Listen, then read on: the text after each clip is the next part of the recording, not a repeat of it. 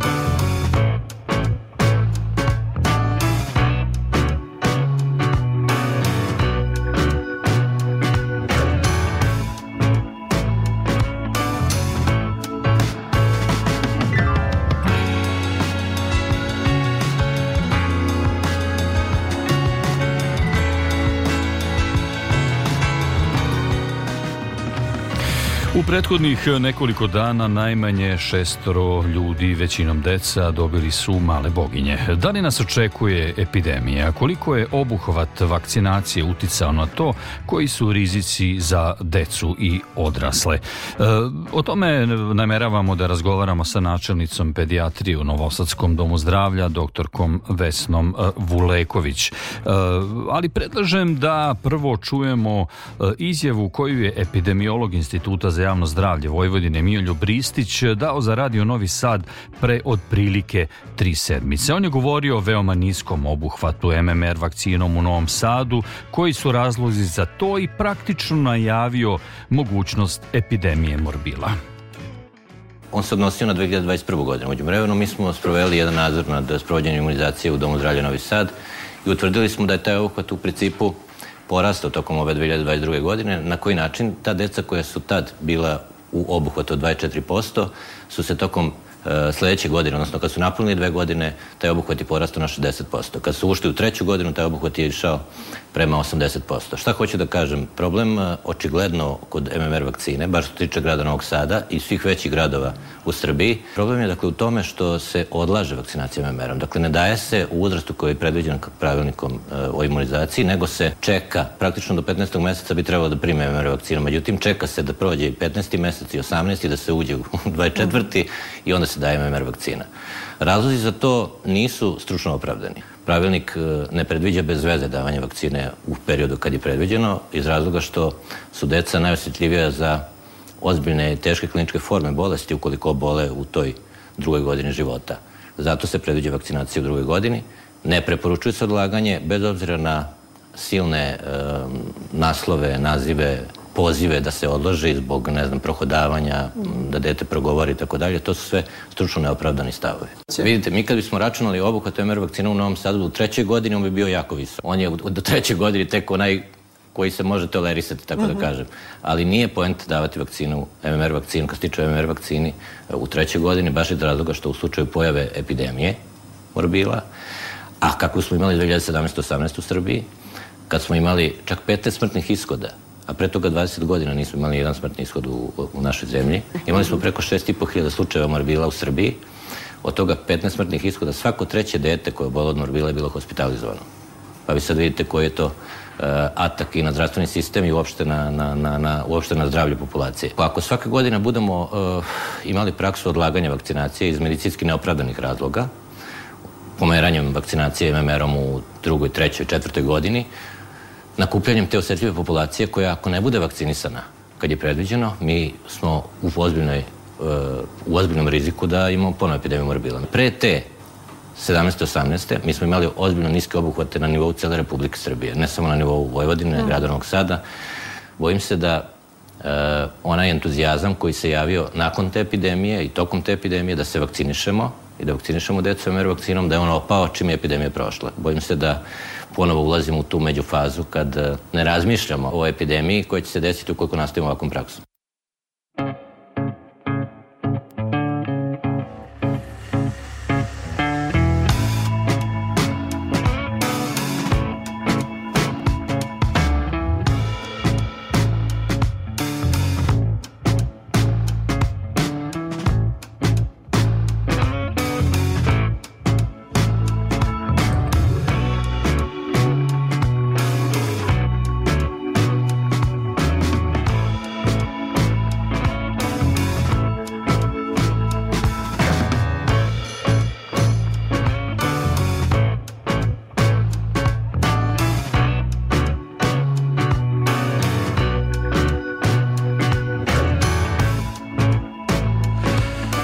10 časova i 15 minuta vi slušate povodom e, Radio Novog Sada. Čuli smo e, doktora, odnosno epidemiologa Instituta za javno zdravlje Vojvodine Mijoljuba Ristića, koji je u izjavi za Radio Novi Sad pre otprilike tri sedmice nagovestio mogućnost epidemije morbila. E, da li ovo što se sada događa, ovih šest obolelih u Smederevu, nagovešta i početka epidemije malih boginja?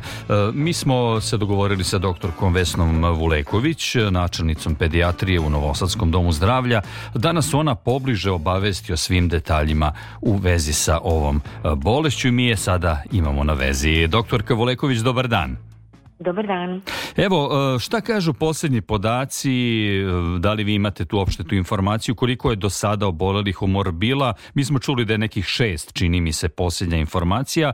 I da li ima obolelih na teritoriji Vojvodine, odnosno Novog Sada?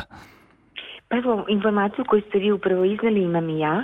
Znači da za sad u Vojvodini nemamo ni jedan prijavljen slučaj ove sumnje na morbile, tako da o, nije za neočekivati da ima i kod nas, zato što je nažalost obuhvat vakcina, vak, vakcinisane dece mali, mnogo niži od potrebnog da bi se zaštitili, tako da oprost postoji. Svi lekari su obavešteni, svaka sumnja ovaj, posto, gde postoji sumnja na mhm. morbile, mora da se prijavi, mora da se pacijent isprati, ali za sada podaci eh, govore da nemamo nemamo morbila u Vojvodini. Kakvi su simptomi? Eh, kakva je prosečna klinička slika i koliko dugo traje proces izlečenja od ove bolesti? Pa inkubacija od prvih, odnosno od zaražavanja do pojave prvih simptoma kod mali boginje od 7 do 18 dana. Prenosilac je slučaj obojila osoba, neposredno možda koji dan pre izbijanja ove ovaj, prvih simptoma i dok traje ospa. E, prvi simptomi su u principu kao, onako kao jedna, jedno gripozno stanje. Znači imamo curenje iz nosa, imamo konjuktivitis, odnosno suzanje očiju, grebuckanje u grlu, da bi se, ili sa povom temperatura koja nije u početku jako visoka, ali iz dana u dan temperatura počne da raste i neki treći do četvrti dan od pojave ovih simptoma koje sam nabrala kreće ospa koja je vrlo karakteristična za morbile. Ona kreće najčešće iza ušiju, sliva se polako sa lica na ostale delove tela u roku od nekoliko dana kada se izuzetno povećava i e, povišena telesna temperatura i ostali znaci bivaju još izraženiji.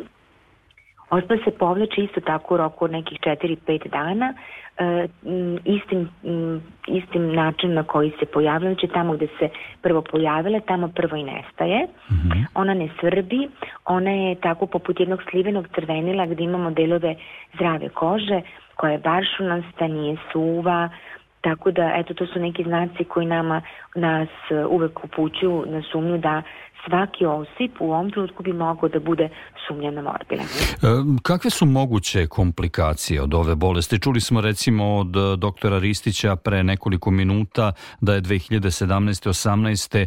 praktično svako treće dete e, od morbila bilo hospitalizovano. Jeste, oni koji su bili oboleli bile hospitale, zato što u principu komplikacije morbila jesu one koje prave problem i, i, i strah, da kažem, od same bolesti. To su najčešće u mlađem uzrastu ozbiljno upale pluća, e, ozbiljno upale ušiju koje mogu da završe i ovaj, mnogo ozbiljnije o, i eventualno i vrlo često isto tako upala mozga, odnosno encefalitis. Tako da to su ozbiljne komplikacije kova dečja zaraz za bolest donosi i zbog toga po stotinu puta ponavljeno da treba vakcinisati decu upravo zato pošto to je jedini način i lik da se ne razbole i da ne dovode, da ne dođe do ovakvih komplikacija. E, koji su rizici za odrasle ljude? Dotice su nešto manje zato što ipak se smatra da smo se negde kroz vreme ovaj, koliko toliko prokušli, tako da ako se razvolimo, klinička slika nije tako e, teška i loša sa lošim komplikacijama, izazak u ljudi koji imaju neke ozbiljne hronične bolesti ili su imunokompromitovani, znači imaju neke autoimene bolesti i neke teže oboljenja, svakako je vrlo teško sa, sa lošim komplikacijama iza njih. E, čuli smo od doktora Ristića da je obuhvat vakcinacije od MMR-a, MMR vakcinom u Novom Sadu bio 24%, e, da je to donekle lažna slika zbog toga što su roditelji, pa čak u dogovoru sa ili prećutnim odobravanjem nekih pedijatara odlagali e, vakcinaciju za drugu, treću, pa čak i četvrtu godinu. Kakav je generalno stav struke prema toj temi vakcinacije MMR vakcinom? Pa za sve nas koji se ozbiljno bavimo svojim poslom i koji smo lekari nauča medicine, mislim da je isti, znači da uvek e, govorimo o značaju vakcine i pozivamo decu na vakcinaciju, ali mislim da u ovom trenutku konkretno ovaj obuhvat koji smo napomenuli, koji je najniže do sada, koliko znam, e, delimično jeste iskoro izbog Da li se čujemo? Izgubili smo izla vezu. Se čujemo? Ja vas čujem. E, dobro, možete nastaviti, sad da. vas čujemo. Kažem, ovaj, ovaj niski obuhvat nije samo, um, kažem, ne možemo zaboraviti da ipak u nas za dve godine postala epidemija covid koja nas je dosta usporila u već lošem obuhvatu vakcinacije. Znači, deca su isto tako obolevala od, obolevala od COVID-a. E, pomerala se zbog toga po mesec, meseci po dana vakcinacija ovim, ovom vakcinom. Oboljeli roditelji, mladi ljudi koji su naši korisnici, odnosno roditelji naših korisnika, isto tako su dosta bili bolesni prošle godine od covid što isto tako pomeralo vakcinu i odlagalo je, tako da mislim da nije samo ovaj, loš utjecaj nekih od kolega koji, nažalost, što kažete, pomeraju ovu vakcinaciju ili precitno dozvoljavaju da se ona ne, ne izvrši, koliko i sama situacija na terenu u sklopu COVID infekcije koju smo ipak imali. E, ima li ikakvih e, naučnih e, osnova da MMR vakcina izaziva određene komplikacije kod dece ako se primi u toj najranijoj preporučenoj dobi? Ne, naše iskustvo to ni jednom nije potvrdila, dosta je dugo to su neki raniji, na ranije studije koje su demantovane već dugi niz godina, ali su ostale nekog traga. Znači, nijedno dete koje dobije E, vakcine MNR neće se razvoliti ni od koje bolesti, ono može da dobije vrlo blagu kliničku sliku morbila kao odraz dobrog odgovora na datu vakcinu, a sve ostale druge komplikacije su kao i kod ostalih vakcina, znači moguće crvenu ili otok na mestu davanja, pošto se ona aplikuje, ja, ovaj, isto tako muskulno, duboko subkutano, ili eventualno nešto povišena temperatura u roku par, da, par dana od vakcinacije, ništa drugo. Da, nažalost, očigledno ovi trendovi na društvenim mrežama i ti antivakcinalni pokreti su se toliko raširili da čini se da su počeli da utiču i na ne samo one slabije obrazovane ljude, nego nažalost i na ljude koji su da. bolje obrazovani, tako da eto imamo ozbiljne probleme da. s vakcinacijom. da. Da, da li je ovim što sam sad rekao na neki način može da se objasni i to otkud sad i tuberkuloza, čuli smo za slučajeve u Novom pazaru? Da, nažalost može. Može zato što BCG e, se radi prilikom otpusta iz porodilišta i nažalost neki roditelji čak i to odbijaju, ali moram, moram priznati iskreno da i određena porodilišta upravo zbog prisustva COVID pozitivnih majki koje su kao porodilje došle i porodile se sa povi, po, pozitivnim COVID na ovaj, COVIDom na infekciju covid e, prosto oni su isto tako otpušteni iz porodilišta deca tih majki kao nevakcinisana BSŽ-om. Posle kako je, znate, sam tok išao, kad su se javili lekaru, kad su dobili, to je sad pitanje, ali e, manje broj oni koji odbijaju vakcinaciju besteže vakcinom, ali moram priznati da i toga pomalo imamo, ali u ovom slučaju posljednjih godinu odnosno dve razlog jeste epidemija ove COVID infekcijama I, kod porodilja. Da, i da kon, zaokružimo ovu našu priču, da li vi očekujete epidemiju morbila poput ona 2017-18 na osnovu svega ovog što do sada znate? Pa ja iskreno se nadam da do nje ne, neće doći, ali verovatno da će postoji upravo zato što, će, što su mi odmah, da kažem, na prvom tom ovaj, e, braniku da odmah prepoznamo i dragoma na način na koji treba, a nadam se da će pojava ovih, ove epidemije, odnosno bolesti, a među decom ipak sva, e, negde urazumiti roditelje i da staviti im do znanja da te bolesti ipak postoje, jer ovaj, one su uvek tu samo zahvaljujući većem obuhvatu vakcinacije čini se da ih nema, ali evo kako odbija se vakcine i deca nisu vakcinisana, one će nažalost opet biti prisutne ako ovako nastavimo. Za one koji posumljaju da eventualno imaju male boginje, kome e, treba da se jave s obzirom na to da je reč o zaraznoj bolesti? Tako je. Oni treba odmah da se jave u svoju matičnu ambulantu, tim što će već možda prilikom dolaska najaviti da imaju osjet, da bi bili u prostoru za izolaciju, lekar će ih pregledati i raditi ono što je potrebno potrebno da bi se diagnostikovalo potvrditi ili isključiti morbile, eh, uputiti na, na odgovarajuće lečenje zavisno od kliničke slike, pratiti pacijenta i obaveštavati u dogovoru sa Institutom za javno zdravlje o daljim postupcima zbog svih ostalih, ali uvek svom lekaru svom mhm. lekaru s tim da se najavi da dete ima ospu da bi mogao biti izolovan od ostale dece i ostali koji su tu. Načelnica pedijatrije u Novosadskom domu zdravlja, dr. Vesna Voleko, izgovorila je za povodom Radio Novog Sada. Doktorka, hvala vam lepo. Prijetno. E, ostajemo u oblasti zdravstva, ali pre toga jedna muzička numera, a potom ćemo govoriti o neštas, nestašici e, pojedinih lekova na našem tržištu.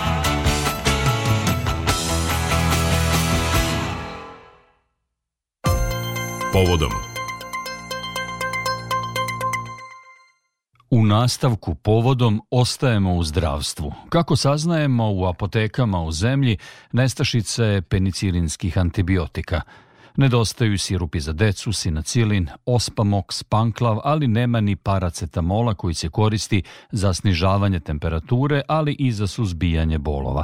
U apotekama se teško pronalazi i brufen sirup za decu. O aktuelnoj nestašici lekova razgovaramo sa direktorkom udruženja proizvođača generičkih lekova Genesis Anom Popović. Prema informacijama koje dobijamo od apotekara i građana, u apotekama nedostaje penicilinskih antibiotika kao i nekih antipiretika jednostavnih poput paracetamola. E, da li možete to da nam potvrdite i koji to tačno lekovi nedostaju prema vašim informacijama? Da, e, mogu da potvrdim, informisana sam da nedostaju lekovi koji su uglavnom e, antipiretici, potvrđujem da to što ste rekli i e, E, antibiotici. E, njihov razlog, razlog nedostatka e, jeste, e, znate da se nalazimo u globalnoj, zapravo da smo prošli kroz e, globalnu krizu koja je prouzrokovana COVID-19, da smo ovaj, u aktualnoj situaciji koja je vezana za rat u Ukrajini, koji je prouzrokovao povećanje cena energenata koji direktno utiču na E, samu proizvodnju sirovine, odnosno na transport i na primjer na ambalaže koje se e, izrađuju od plastike jer je plastika derivat nafte i e, došlo je do višestrukog povećanja cela cene zapravo proizvodnje i distribucije lekova. Dakle, tu govorimo o procentualnoj vrednosti od 200 i 400 procenata, što ćete se složiti, složiti ćete se sa mnom da je to e, velika, veliki procenat. Znači ta e, ukupna cena e, je značajno povećana. Koliko na tu cenu utiče činjenica da je tu ipak reč o relativno jeftinim lekovima i oni koji se često koriste?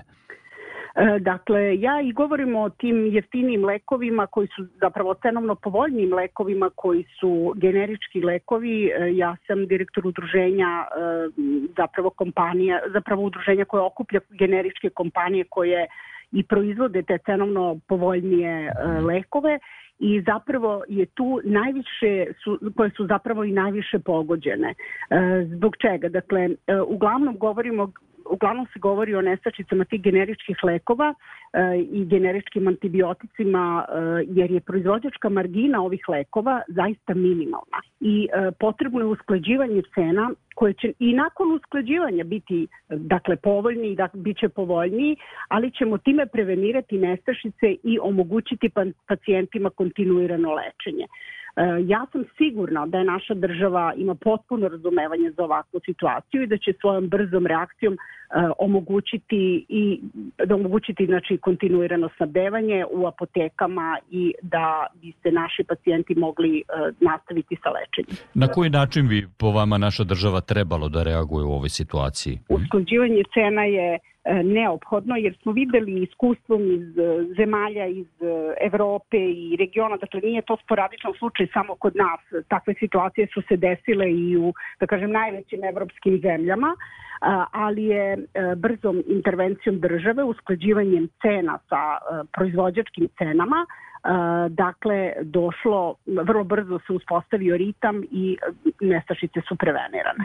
Očigledno je ovo sve povezano i sa sezonom respiratornih bolesti, pa je taj problem bio u toj meri i vidljiviji. E, da li još ima problema sličnog karaktera, da li ovo bilo nešto kratkoročno ili tu ima još nekih e, lekova koji bi morali sistemski na sličan način da se rešavaju? Ja sam sigurna da će ovo biti kratkoročno, ali je definitivno potrebno sistematsko rešavanje, jer jedino sistematsko rešavanje može e, definitivno da prevenira nestašice. Dakle, e, od sada smo to videli na primjeru antibiotika i antipiretika, ali takve stvari se mogu, se, će se sigurno dešavati sa ostalim ovaj, e, lekovima, tako da je potrebno da se prevenira ova situacija usklađivanjem cena, zašto sam ja sigurna da naša država ima mehanizme i sigurna sam da će veoma brzo odreagovati. I samo za kraj recite nam da li očekujete da će se u, u relativno brzom vremenu ova situacija oko nestašice konkretno ovih lekova kojima smo govorili nek, na neki način smiriti? E, sigurno sam da hoće, sigurno sam da hoće jer smo, eto kažem, e, više puta smo e, videli da su nestašice trajale samo po par dana, da je brza reakcija države zapravo doprinela do rešavanja ovakvih razumevanja e, države do rešavanja ovakvih problema.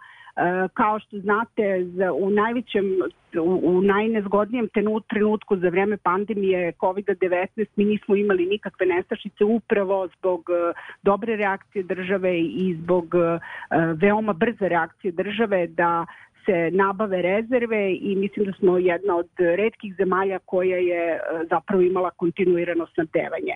Sada je potrebno razumevanje za e, usklađivanjem cena i veoma brzo će ovaj, e, veoma brzo ćemo doći do, do ovaj, kontinuiranog snabdevanja. Opet ponavljam, ta ova situacija nije samo u Srbiji, ova situacija je u čitavom regionu, pa i možda i u čitavom svetu, sigurno sam i u čitavom svetu, tako da da sam sigurna da ćemo veoma brzo prevazići. Za povodom Radio Novog Sada govorila je e, direktorka Udruženja proizvođača generičkih lekova Genesis Ana Popović. Hvala vam lepo.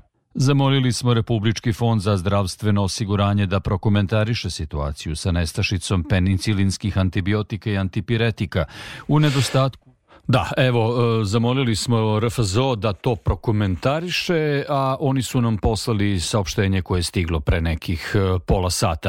E, u saopštenju se navodi, kada je reč o našem tržištu, snabdevanje je stabilno i nema nikakvog razloga za paniku. Bilo je problema u proizvodnji sinacilina koji je najčešće korišćen penicilinski sirup kod nas.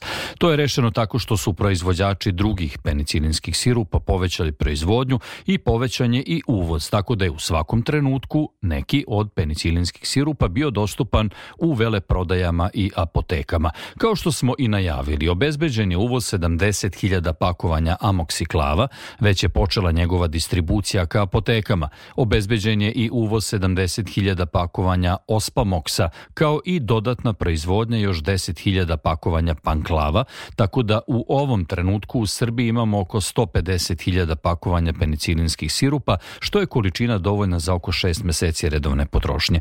Dakle, problemi su rešeni i apelujemo na građane da ne prave nepotrebne zalihe i ne izazivaju veštačke nestašice, jer je RFZO u stalnom kontaktu sa dobavljačima i pratimo dešavanja na svetskom tržištu da bismo mogli pravovremeno da reagujemo. Takvim radom smo i u prethodnom periodu uspevali da obezbedimo sve potrebne lekove i da u slučaju bilo kakvog poremeća u proizvodnji ili isporuci određenog leka obezbedimo odgovarajuće zamene, Činjenica je da cene sirovina za proizvodnju lekova u svetu rastu, rastu troškovi ambalaže, energenata, transporta. Najvažnije je da država svim dobavljačima redovno plaća, što u nekim zemljama nije slučaj, pa se problemi u snabdevanju javljaju zbog neredovnog plaćanja, rekli su u Republičkom fondu za zdravstveno osiguranje za Radio Novi Sad.